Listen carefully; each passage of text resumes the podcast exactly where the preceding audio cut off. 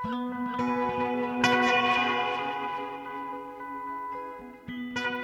og sæl, kæru lustendur. Í viðsjá dagsins heyrum við af heimavistaskóla í Kína, ljóðum á lausum blöðum og því sem að aldrei gleymist á internetinu. Í galeri Þölu við Hjartatorg er vanalega að finna íslenska samtímalist, en í dag hanga þar uppi teikningar eftir nefendur heimavistaskóla í Littlu Fjallathorpi í Kína. Ástæða þess að myndirnar rötuðu allaleitir Reykjavíkur skrifast að einhverju leita á ævindir að þrá eiganda galerísins, ástísi Þölu Þorláksdóttur. Fyrir nokkrum árum ferðaðist hún þvert yfir Kína og heimsótti þá lítið fjallathorp sem hefur byggst upp í kringum stórt klaustur. Au klaustursins var í þorpinu að finna heimavistaskóla þar sem að börnin læra meðal annars að teikna og mála. Ástís Þöla hefur haldið sambandi við skólan alla tíð síðan og nú sínur hún og selur myndir nefndana og ágóðun af sölunni rennur beint til skólans. Heyrum betur að ferðum ástísar þölu í galleri þölu hér rétt á eftir. Snorri Rafn Halsson, pislahöfundur okkar í Vín, heldur áfram pislaru sinu um möguleika og ómöguleika tækninar. Í þetta skiptið beinir Snorri sjónum sínum að því sem að gleymist og því sem að lifir áfram á internetinu. Hér er meðal annars áhugaverð staðarendur vangaveldum dagsins. Talið er að á bylunu 10 til 30 miljónir aðganga á Facebook séu eigu látina einstaklinga og bætist í hópinu hverjum degi. Ef framfer sem horfir verða látnir fleiri en lifandi á samfélagsmiðlunum mikla í kringum árið 2110. Facebook verður þá mögulega stærsti kirkjugarður í heimi. Meira um þetta hér á eftir. Og við kynum okkur nýjútkomna ljóðabók, Laus blöð, eftir Ragnar Helga Ólafsson. Í bókinni býður Ragnar Helgi upp á þverskurða verkum sínum þar sem hann er fyrir um víðan völl bæði í yrkisefnum og uppsetningu bókarnar sjálfrar. Ragnar Helgi verður gestur okkar hér undir lokþáttar þar sem hann ræðir meðal annars um tilefni ljóða, tjáningu og tímaflakk. En við byrjum þáttin í dag nýri miðbæra Reykjavíkur.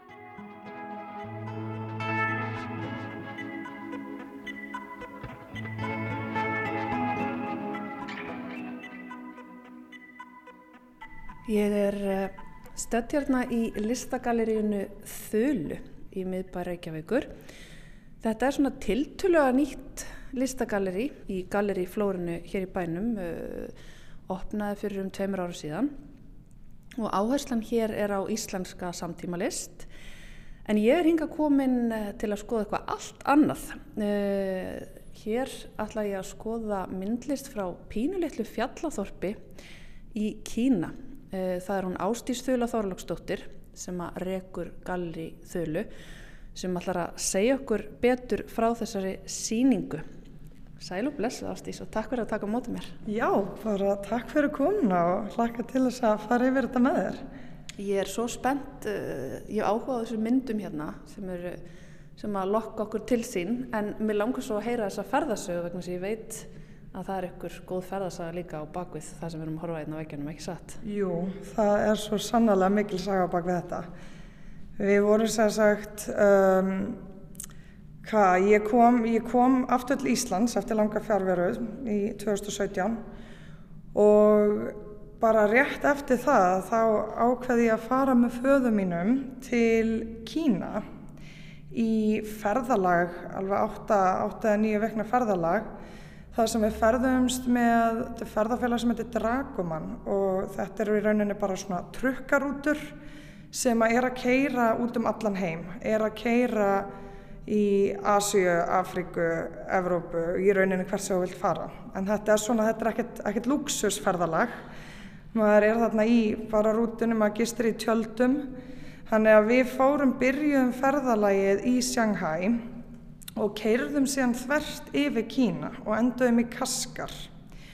Og eh, já þarna á þessu ferðalega þá auðvitað heimsóttu við heilan helling af, af fallegum þorpum og, og hittum mikið á góðu fólki og gistum hann í tjöldum sko undir Kínamúrnum það sem að enginn var, þetta var alveg magnað, klifraði hann upp og horfa sólsetrið. Og Já, þannig á þessu ferðalega þá förum við í þetta litla fjallathorp sem heitir Labrang og byggist upp í kringum Labrang uh, klaustrið sem er típest munkaklaustur og í rauninni eitt af stærsta fjölmennasta fyrir utan Tíbet. Og þar er þessi litli bær í kring og þegar við vorum þarna í þorpinu þá sagði sá sem að var að keira okkur, þannig að gæti nokkar, hann sagði, heyrðu það er lítill skóli hérna og ég veit að þið hafi nú áhuga á listum og fæði minn þessast listmálari og, hérna, og við höfum svo sannlega mikinn áhuga á listum. Þannig að við hérna, vorum bara rosa spennt að heyra af þessum skóla og fengum að fara í heimsók. Og þar hittu við fyrir konu að nafni Kristel og hún kalla sér típeska nafninu Tenzin Dolman. Og hún er sérstaklega að reyka þarna lítinn heimavistaskóla sem að já, það séu 15 krakkar þarna núna. Þau eru aldrinum 15 til 25 elsti er búin að vera alveg í 10 ár þetta er en 10 ára gammal skóli. Og hún er að taka inn þarna típeska og mongolska krakka sem að búa þarna svæðinu og er ofta að koma úr mjög erfiðum aðstæðum og ég veit að það hefur verið oftar en einu sinna hún hefur tekið inn sko ungar stelpur sem á að fara að gifta sko kornungar þá býður hún upp á þennan kost að geta komið þarna í staðinn og verið bara í námi. Og hún er að kenna teikningu og málverk ásamt því að kenna þeim að lesa og skrifa uh, tungumál og hérna já, bara allt sem að þarf til að, til að framfæta sér í lífinu. Og ég veit að hún leggur sérstaklega áherslu á það að kenna líka meira heldur en bara tekninguna og, og listina vegna þess að það eru svo margir sem eru þarna að vinna í Kína í þessari starfstjætt að vera þess, í handverkinu sem eru ólæs og eru í rauninni ekki mentu fyrir utan það. Þannig að hún sagði að það er mjög mikil áherslu á að ef að það gengur ekki bara að vinna með listina að þá sé opin heimur en þá fyrir krakkana mm -hmm. En það eru sem sagt einhver tækifæri fyrir þessi, þessi ungu nefnendur til að vinna með listina. Þau greinilega eru með mikið valda tekningu sem hverjina sér maður. Þannig að það felast einhver tækifæri í því að læra vel að tekna þarna á þessu svæði. Já, þetta er náttúrulega, hvað ég segja, ólýsanlegar myndir og handverk í þessu er alveg magnað. Þau eru sér sagt að vinna þegar það verið að blanda saman svona vestrætni teikningu og svo líka eru þau að vinna með tankamálverk og klassísk típesk og buddísk hérna, nei típesk og kínversk segi ég, uh, verk. Og þau eru mikið að teikna eftir ljósmyndum en þetta er samt allt fríhendis. Og mikið að vinna með portrétt og náttúrulífsmyndir og það var margir komið hérna inn og spurt já hver tók þessar fínu ljósmyndir? Hvaðan kom þessi prent? En þetta er sérst mikið blíjanstekningar og svo akrílmálverk frá þeim. Þið sérst komið að inn í skólan og fenguð að fylgjast með vinna og kynntust aðeins þessum, þessum nefndum og henni, konunni þessari sem að rekur er þetta. Og þið helduð áfram sambandi sérst eftir að þið fóruð þaðan? Já, við hérna okkur fannst þetta bara svo ótrúlegt sko, flott framtak hjá henni og krakkarnir alveg magnaðir. Bara það sem þeir eru að vinna með það sem þeir eru að gera. Að maður getur ekki annað en að vilja halda sambandi þegar maður er búin að kynnast svona fólki. Og við, já, höfum verið bara í, í bandi við þau. Við höfum sendt þeim ólíuliti út. Og það er erfitt að komast í góða ólíu þarna þannig að við höfum sendt þeim kassa á góðri ólíumálingu svo krakkarnir fá að spreita sig á því. Og uh, síðan já, hefur mér langað til þess að bara sína verkin og kynna það sem þessi krakkar er að gera hérna á Íslandi.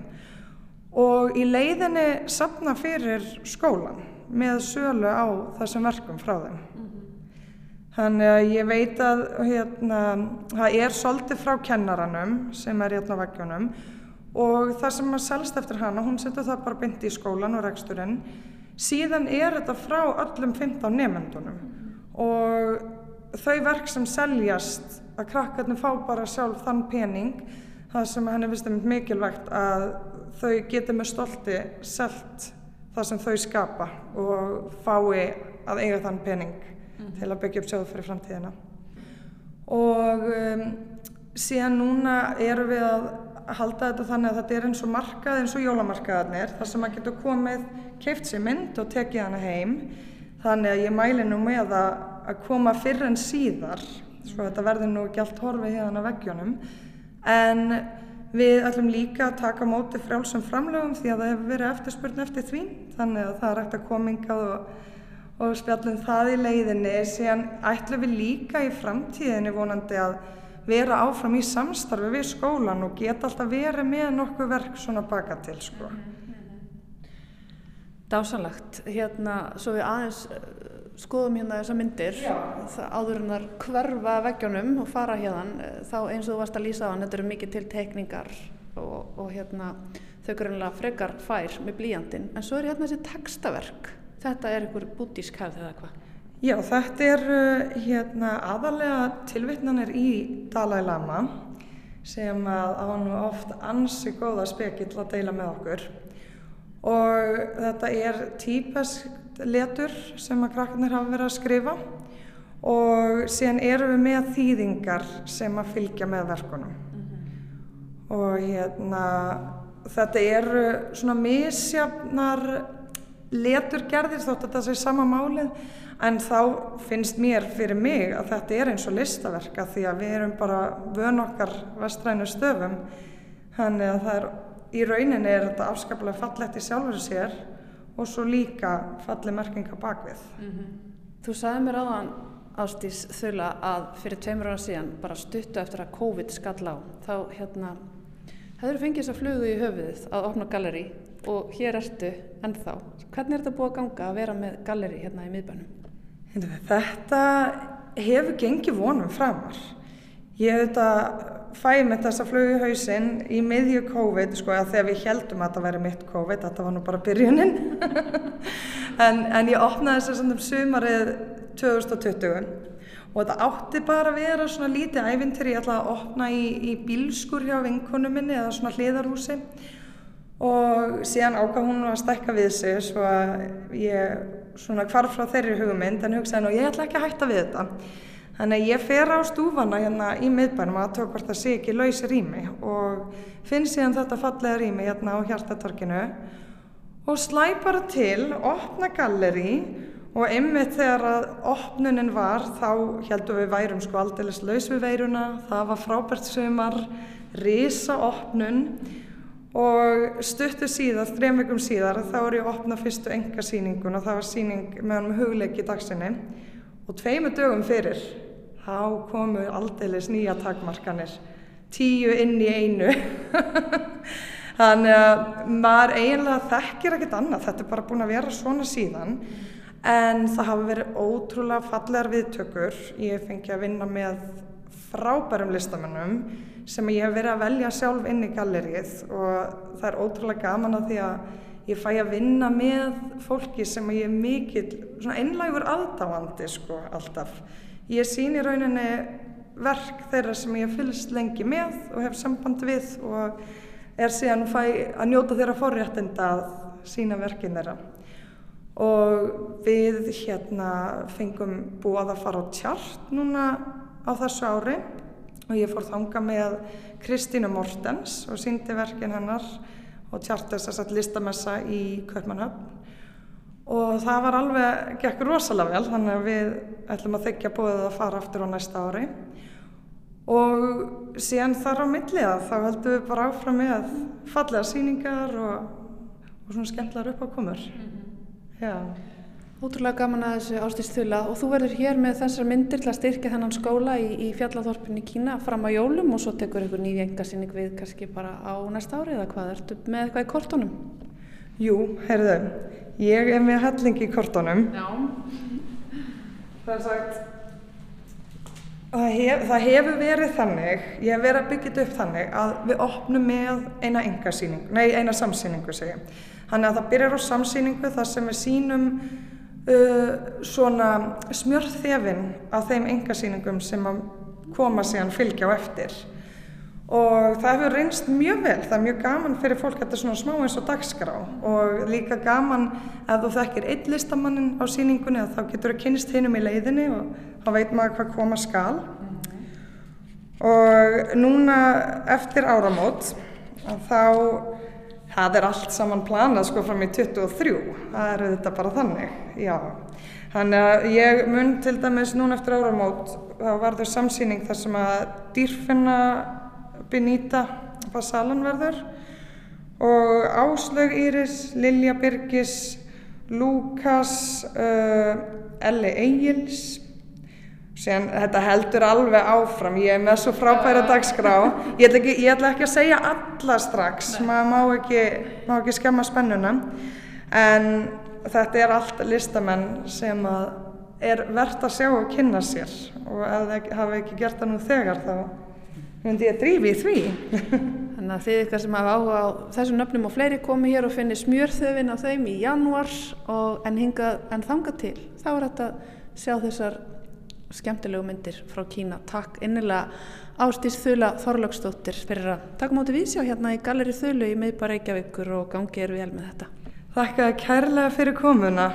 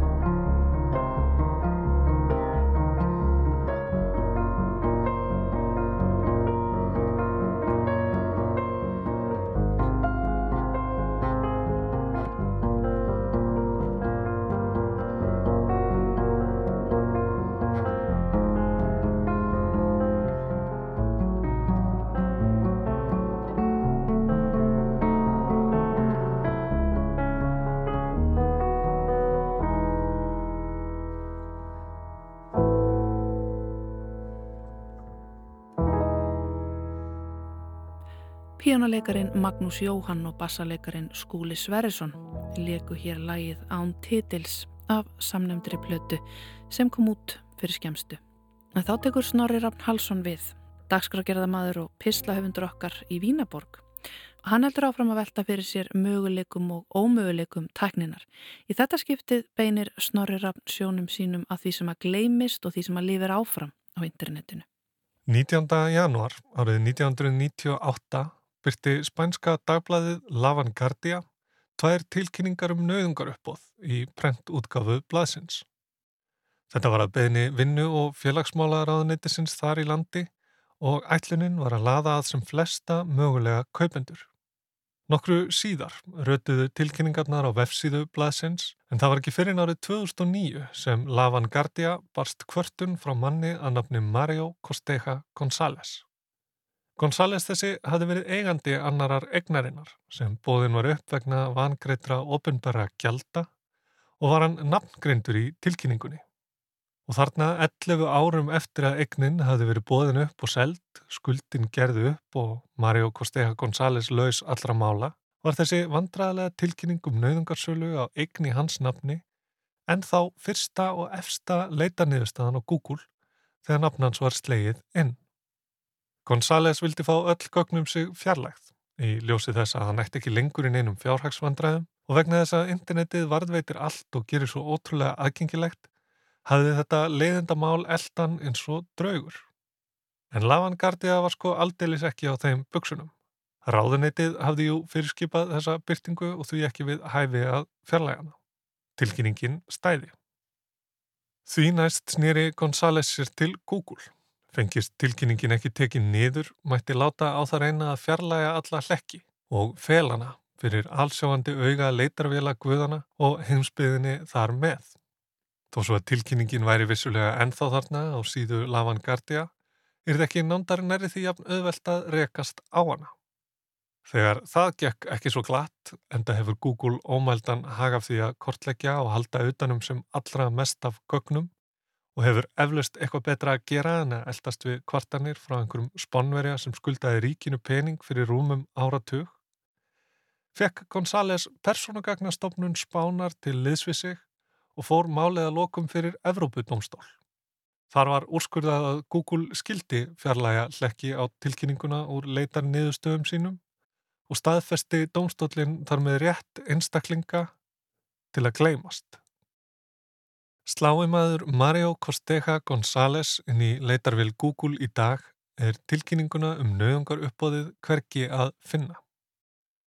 Efsta niðurstaðan er hins vegar Wikipedia-greinin um dómsmálið fyrir Evrópudómstólnum þar sem tilkynninguna er að finna í heimildaskrá en þar fyrir neðan raðast ótal bladagreinar og umfjallanir um González og baráttu hans fyrir rétti sínum. Hans verður æfinlega minnst sem mannsins sem vildi bara fá að gleymast. Leiðindamálið með skuldina og nöðungar uppbóðið er þekktara en nokkur sinni fyrr og langt frá því að gleymast. Því internetið gleymir engu og þar lifir alltaf eilifu. Þar með talið við.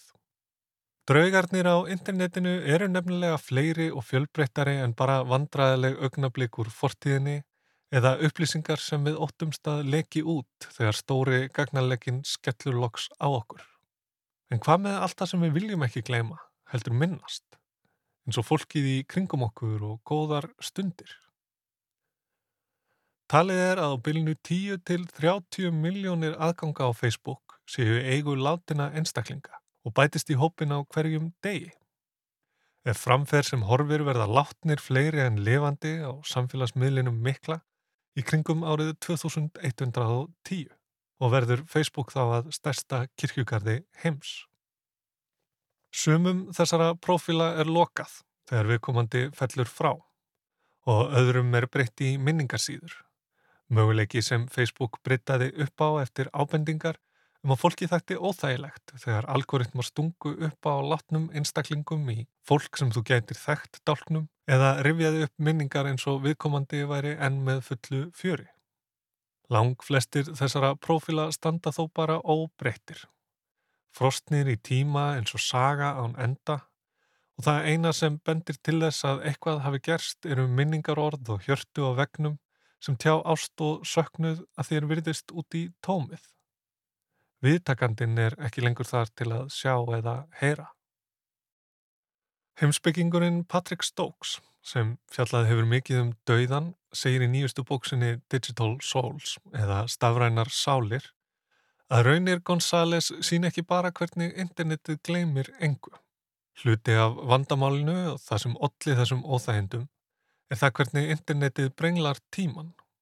Það er ófært um að leifa gögnum og upplýsingum, atbyrðum og fólki að fara undan inn í fortíðina. Að setja samtíman í forgang. Þannig ægir saman hinnu líðandi, hinnu liðna og hinnu framliðna. Hinn látnu eru og hafa ávalt verið átakanlega fjárverandi en óumflíjanlega nálægt okkur um leið. Allstaðar og hvergi er reynd í heiminum sem er uppfullur af draugum þeirra sem okkur þótti væntum. Við skiljum öll eftir okkur leifar sem eru eða voru hluti af okkur, hvort sem það er líka með okkar og eigur eða orð og minningar. Og við lifum áfram í þessum ummerkjum eftir að við föllum frá. Fólk finnur fyrirmanni í hlutum og minningum, bergmáli þess sem maður var. Hluti af því að vera sá sem maður er, er hvernig maður skapar eigin personu og segir eigin sögu segir Stokes. Þegar internetið leitt fyrst dagsins ljós gatt hver sem er skapað sér nýtt sjálfðar, aðskilið og frábröðið hinnu raunverulega sjálfi, hvað svo sem það nú er. En skilin á milli raunheima og netheima hafa svo gott sem máðst út á síðastlinum árum og ára tugum. Það sem við gerum, það sem við segjum og það sem við tökum okkur fyrir hendur er sífælt meira miðlaði gegnum tæknina. Við getum unnið í gegnum netið og verslaðar, ræktað vinskap og stopnað til ástarsambanda, allt rafrænt. Nærvera okkar er að miklu leiti stafræn í dag og samfélagsmiðlar hafa veitt okkur enn ríkara tækifæri til eigin personu sköpunar. Þar sem við getum leikið okkur og prófað okkur áfram með sjálfsýmyndir og sínda okkur ólíkar hliðar. En þegar við degjum þá hverfur þessi virkni, þessi sköpun en sköpunarverkið og personan lifir af. Og ég held að meira af okkur lifi áfram en það gerði áður. Ekki bara vegna þess að við skiljum meira eftir okkur eins og samtöl sem áður hefðu farið fram í personu, heldur vegna þess að stærri hluti af okkur er stafræn og bergmálar þá lengur. Nú vagnar þá spurninginum hversu mikið ef nokkuð af sjálfum okkur er í profilunum okkar og internetpresensinu svo maður sletti aðeins. Hversu ekta er þetta? Er það sem við byrtum á samfélagsmiðlum ekki bara skrumskæling á sjálfinu sem á sér litla eða enga stóð í raunveruleikanum, einhver ímynd sem við setjum fram í leita viðkenningu og staðfestingu á eigin virði? Vissulega má blekja á internetinu í ymsum tilgangi og hafa margir atvinnu að því að byrta glansmynd af eigin lífi til þess eins að selja fólki alls konar drastl sem um stund varpar bjarma á þeirra eigin tilveru. Er það ekki fullkomið dæmi um rofið á milli raunheimana sem við höfum litla stjórn á og hins stafræna, þar sem allt er handvalið til að þóknast einhverjum algoritmum? Jú, það má í mörgum tilfellum skilja þetta svona að en alla jafna sjáum við alveg í gegnum þetta og það er alveg sagt að blekja í raunheimum og á netinu. En eftir því sem tæknin og miðlarnir verða samopnari daglegu lífi, verður nær að tala bara um einn heim en ekki tvo. Því miðlinn hverfur, svo að segja. Ég heyri röddina í símanum, ekki rafbóð sem berast langar leiðir og örfa segulinn í hátalaranum mín megin. Ég sé þig á Zoom, ekki pixla á tölvuskjá sem breyta um lit. Það sem við byrtum og skiljum eftir okkur okkar stafræna nærvera er ekki bara endurspeiklun og endurgerð af undirliggjandi sjálfi sem er meira raunverulegt, heldur líka annars konar líkamnun personunar sem mótar hver og hvernig hún er. Það væri hægt að halda langa tölu um hvaða áhrif þetta hefur á okkur, góð og slæm, hvernig við verðum sífælt velrætni og verðum fyrir áhrifum abla sem hafa ekkert með okkur að gera. En þegar upp er staðið þá er það samt við sem verðum fyrir þessum áhrifum sem móta persónu okkar. Persónu sem lifir af okkar eigin dauða og neytar að hörfa inn í fortíðina því internetið gleymir engu og þar lifir alltaf eilifu og hennu líðandi, hennu liðna og hennu framliðna ægir saman. Profilarnir verða einhvers konar áþreifanlegt stafrænt hold sem veðrast korki nýja brotnar niður. Þó það sé kannski stundum óþægilegt að heimsækja Facebook-profila þeirra sem ekki eru lengur á meðalvor og lesa skilabóð til einhver sem aldrei mun sjá þau, er ekkert skrítið að fólk haldi áfram að ávarpa viðkomandi, senda afmæliskvæðjur og posta myndum eins og ekkert hafi í skorist. Viðkomandi er þarna og það er gott að vita þeim þar.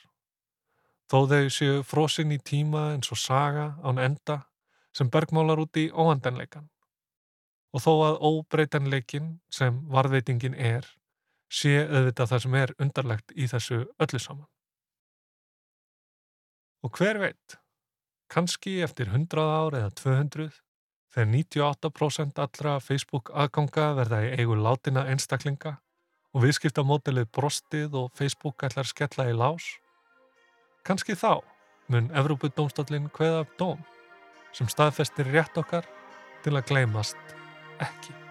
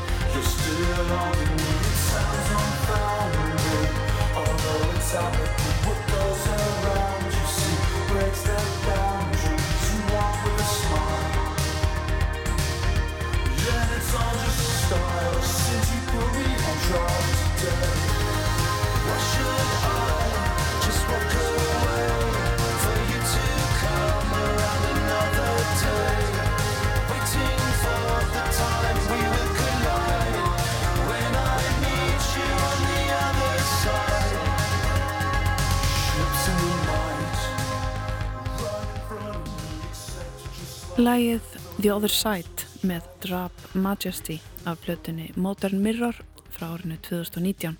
Hér á eftir Pistli Snorra Raps Halssonar, Pislahöfund okkar í Vínaborg. En nú fyrir við yfir hljóðstofu þar sem að Þorgerður Ása Aðarsteinsdóttir tók á móti reytöfundinum og myndlistarmanninum Ragnari Helga Ólafsinni. Ragnar Helgi var ekki út nýja ljóðabók sem að nefnist Laus Blöð. Aðtugun. Í svipin man ég ekki eftir neinu bjartara en húsi á grænu túni sem er hliðalýst af síðdegisól svo kvítmálaða vekkina ber við blígráan ryggningareimin. Já, það, það er alveg rétt þér, ég held að heyrist alveg og sjáist það auðvitað á mörgum löðum sko, uh, svona myndlistar svona hvað hva, svo hugsun sko.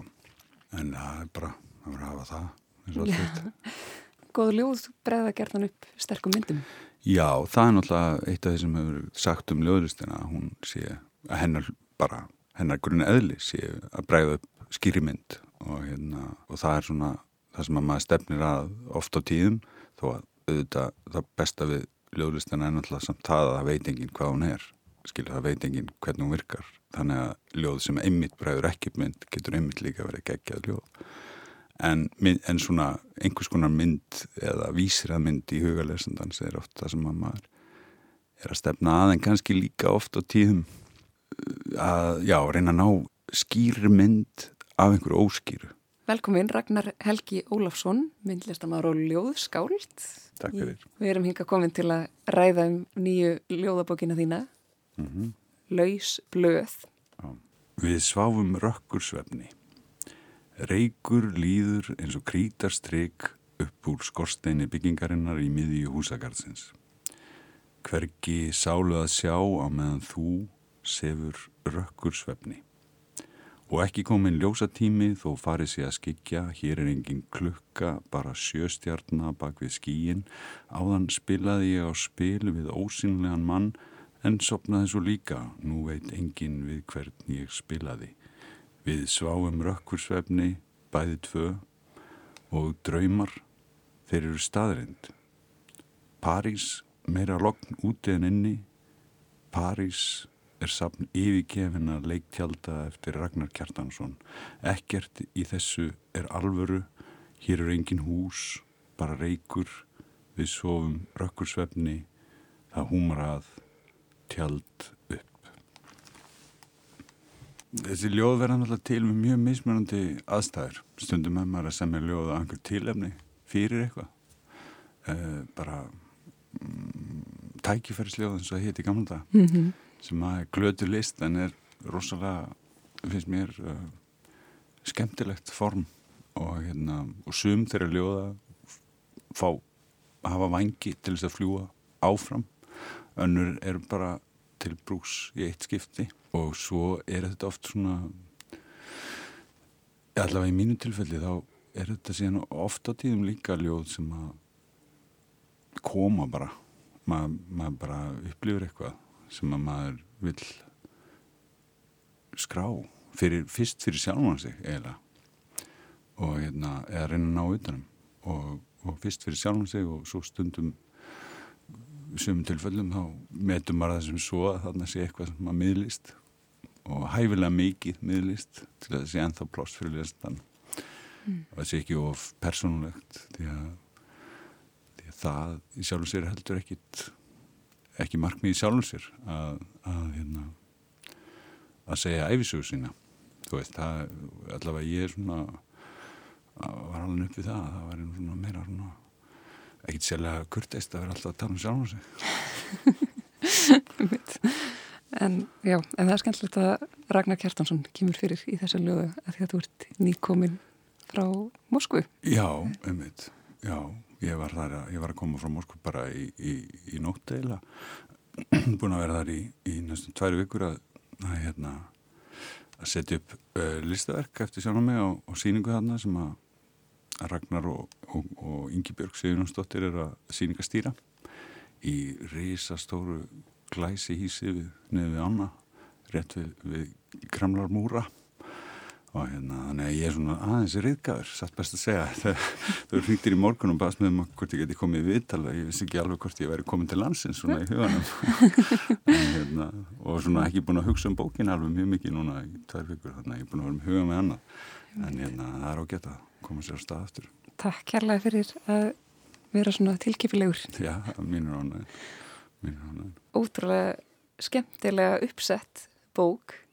Ég veit ekkert hvert ég er komin í bókinni því ég hef verið að fylgja hérna þessu miða sem að, sem að fylgir með. Já, mitt Ég hef ekki séð þetta áður gert í ljóðabók. Nei, nei ekki heldur sko. Það er sko gott triks sko, finnst mér að þegar maður er að gera eitthvað saman hvaða listaverk sem er að reyna að finna upp eitthvað örlíti nýja tegund af listaverki. Mm -hmm. Að þetta fari einhvern svona örlíti hliðarhólf í einhverjum kassa fyrir eitthvað heldur en í, í, í megin hólfið. Að það bara verður svo miklu skemmtilegra að, að skapa þannig. Og það var svona það var svona ég svona, tók mér svona tíma að finna hvað hva, hva þetta vildi verða þessi tekstar og, og það var svona bælingin Svo ég skjóti bara rétt inn svo við tölum ekki alltaf miklum gátum fyrir hlustandar hérna, að lýsa því aðeins að sagt, bókin er mjög óvennulega sett upp. Hún byrjar á þriðja hluta og svo kemur annar eða fymti eða mm. eitthvað svoleiðis, svona hinga og þangað. En það fylgir svona bókamerki með og eintakinu sem ég með þar stendur að þetta sé eintak nummer 507 og þessu eru uppástunga um í hvaða röð maður getur lesið. Og það mælst til þess að ég byrjir til dæmis á blasu 147 mm. Og stökkuð síðan á blasu 86 og svo 103, 77, 20 og, og svona heldur þetta áfram Já Einmitt, sko. Þetta er náttúrulega til þess að vildi reyna að undistrykka það að er, þessi bók er svolítið úr öllum áttum og mér meðvitað gerð þannig, mér langaði að prófa að gera svona ljóðabók sem væri meira svona í anda 19. aldar ljóðabóka eða ljóðasafna eða upphafið 20. aldarinnar það sem að maður getur lendi því að vera með á sömu síður sko, bara hérna gamanvísu og svo á sömu opnunni er síðan bara erfiljóð Einmitt. og hérna og þau standi bara stök þau eru bara allsberð og fá engan stuðning frá hverju döðru ljóðin og kallaði þetta vinnum minn Híðin Unstinsson var að skoða þetta hans að í, sveitinni hjá honum hefði afi hans kallað svona bækur að það er verið tíndar og túni braga. Mér finnst það heldur gott. Það er svona náðið utanum nákvæmlega sem ég var að hugsa að það væri svona úr öllum áttum og ekki svona nettur og slípaður og fæður lítill ljóðagripur heldur svolítið svona bungi af lausum blöðum. Akkurat. það var einhver tilfinning í því sem ég var að reyna skila áfram í bókina. Því ég hef búin að var með alveg fjör já, 400 sinna handrit fyrst og ætlaði svona að raða þessu í eitthvað rosa netta litla bók.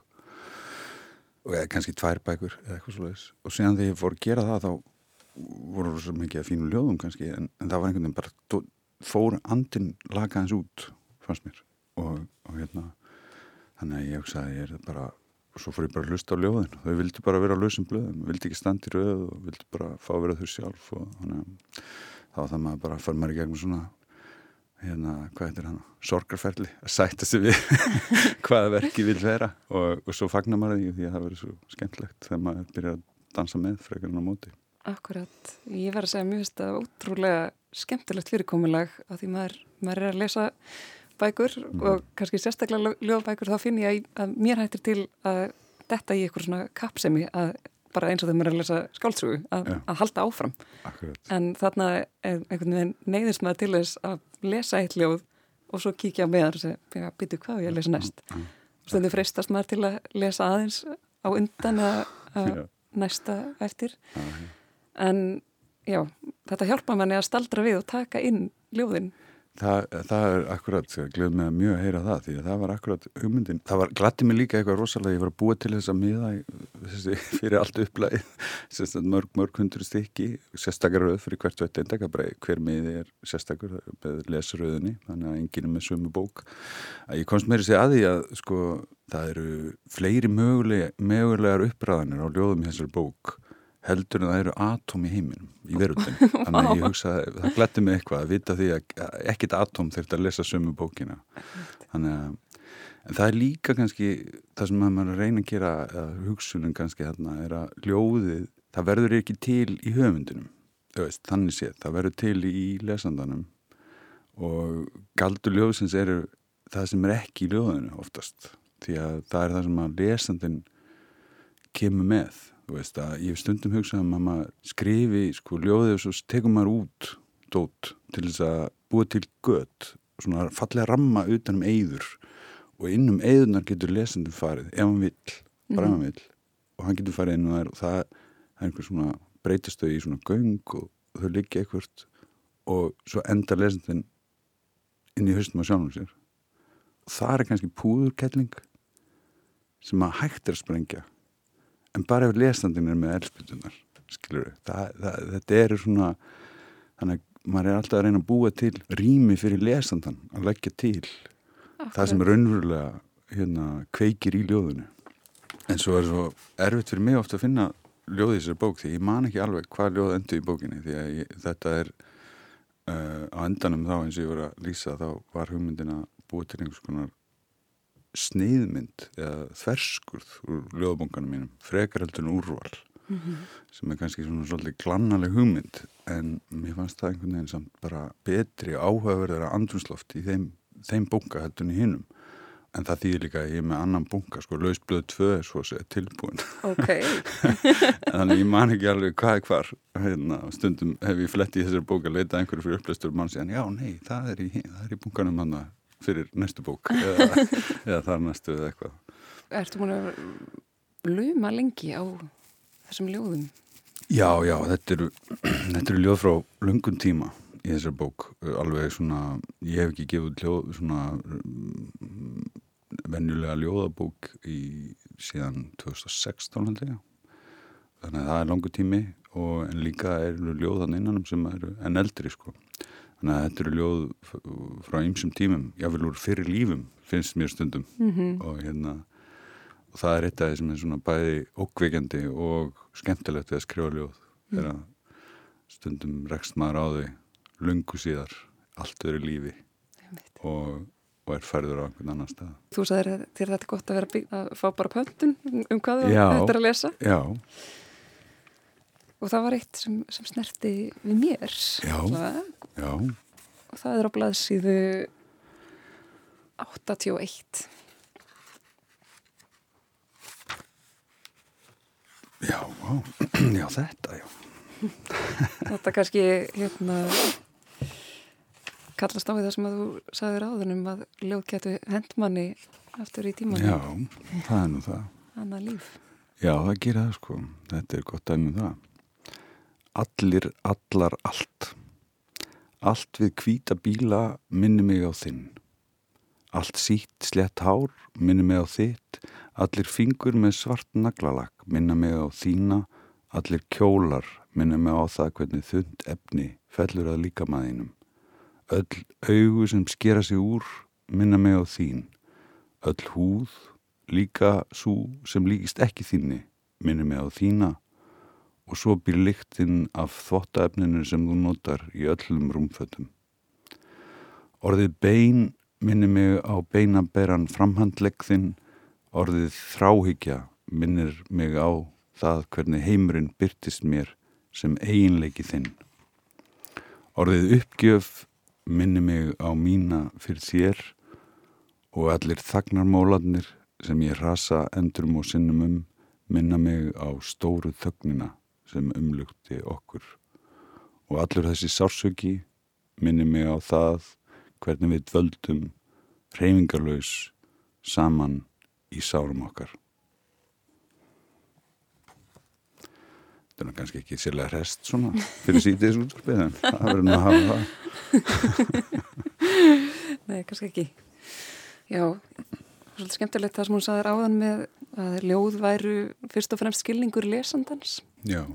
Ég satt hérna áðan fram á kaffestóðu og var að lesa ljóðabókina hérna og hitti þá hérna tvo vini mína og sagði, já ég er hérna að lesa ljóðabók og eitthvað svona, uh -huh. svo las ég ganni eitthvað stutt ljóð og, hérna, og vinkonum mín sagði, já ég veit aldrei eitthvað, ég er svo léleg með ljóð, veit ekki hvað ég á að segja Akkurat. um það og hérna, eitthvað svona, og svo fórum við að tala um eitthvað annað og svo held ég áfram að lesa.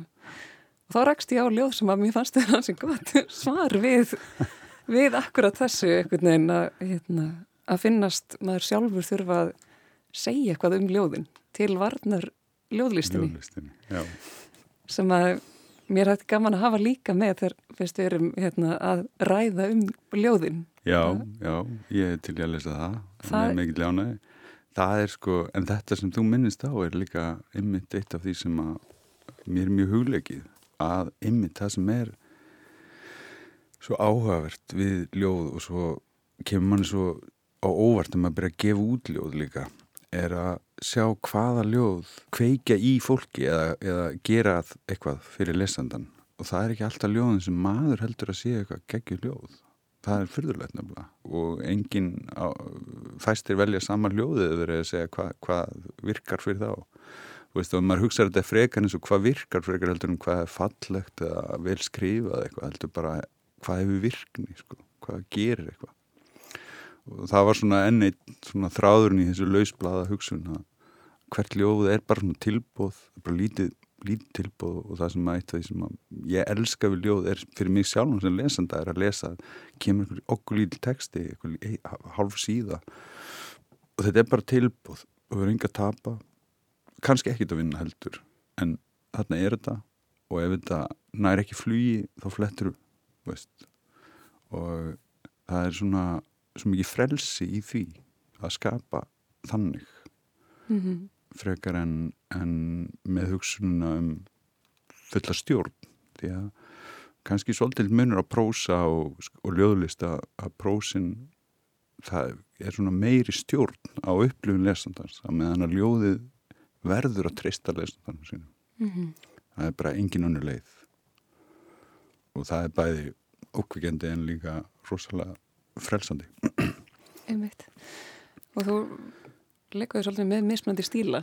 Já, já, já, þetta er, öllum, þetta er á öllum gerðum sko, veist, það er, það er rím, rímuð, form háttbundin ljóð þarna sem ég hef reyndar ekki byrt mikið af slíku áður. Svona, en þau hafa bara komið til mín stundum sem hef ég þurft að skrifa te texta við lög eða tónverk og, hérna, og það er svona annur, annar arfur úr þessu 19. aldar hugsun sko, þá mm. settum menn það líka bara veist, það, það gæti allt verið í sömu bók því að ljóðin standa fyrir sínu sko. og hérna og svo, já, svo er all, þetta er allavega hana mjög mismunandi svona ljóðmælandi eins og maður segir hann er í mis, mjög mismunandi ástandi en það er náttúrulega líka bara veist, það eru þúsund mannsinn í hverju okkar sko. mm. þannig að það kannski bara endur speklar það vonandi Ég veit Þetta ljóð sem ég myndist á það er á blasið 143 Já, ok. Ég hafði vitað því að taka mynd af því. Ah, heit, já, að ég sendi vinkunum minna þessu. Það er svona í, í framhaldi af þessari umræði Já, ymmið Akkurat. Til varnar ljóðlistinni. Ég byrð til Guðs að fólk virði þann þagnar múr sem umlikið hefur ljóðlistina að það haldi áfram að sína ljóðum hvorki lotningu niður hafa þau að spotti að fólk hvorki fyrirlíti niður upphefið þau. Hvort tvekja felur í sér aðtegli og er á þeim sökum úþólandi. Ég ger ekki kröfum neitt, ég er hættur að gera kröfur en ég byrð ykkur, látið eins og ljóðið sé ekki þarna annars verða afleðingarnar óumflíjanlegar. Einn morgun munum við vakna og sjá að einhver hefur í skjólinætur líklega óafvitandi komið ljóðinu fyrir á rófi kúlsins. Þá mun eftir sjá einhver breyta, þá munum við að horfa upp okkar síðasta skjól verða eldinum að bráð, þá mun hjarta mitt bresta. Verkakonur, stjórnmálamenn, brandarakallar, tannlæknar, listamenn, fólk ekki gera grín að ljóðlistinni, ekki dást að ljóðlistinni, ekki tala um ljóðlistina. Ég byrð ykkur aldrei áfram að gleiminni. Ragnar Helgi Ólafsson las sér ljóðið til varnar ljóðlistinni úr nýjútkominni ljóðabóksinni Laus blöð. Og það var Þorgerður Ása Aðarsteinsdóttir sem að rætti við Ragnar Helga um ljóðlistina, hlutverk lesandans og margt, margt fleira. Og hér ætlum við að enda við sjá í dag. Takk fyrir samfélgina og verið sæl.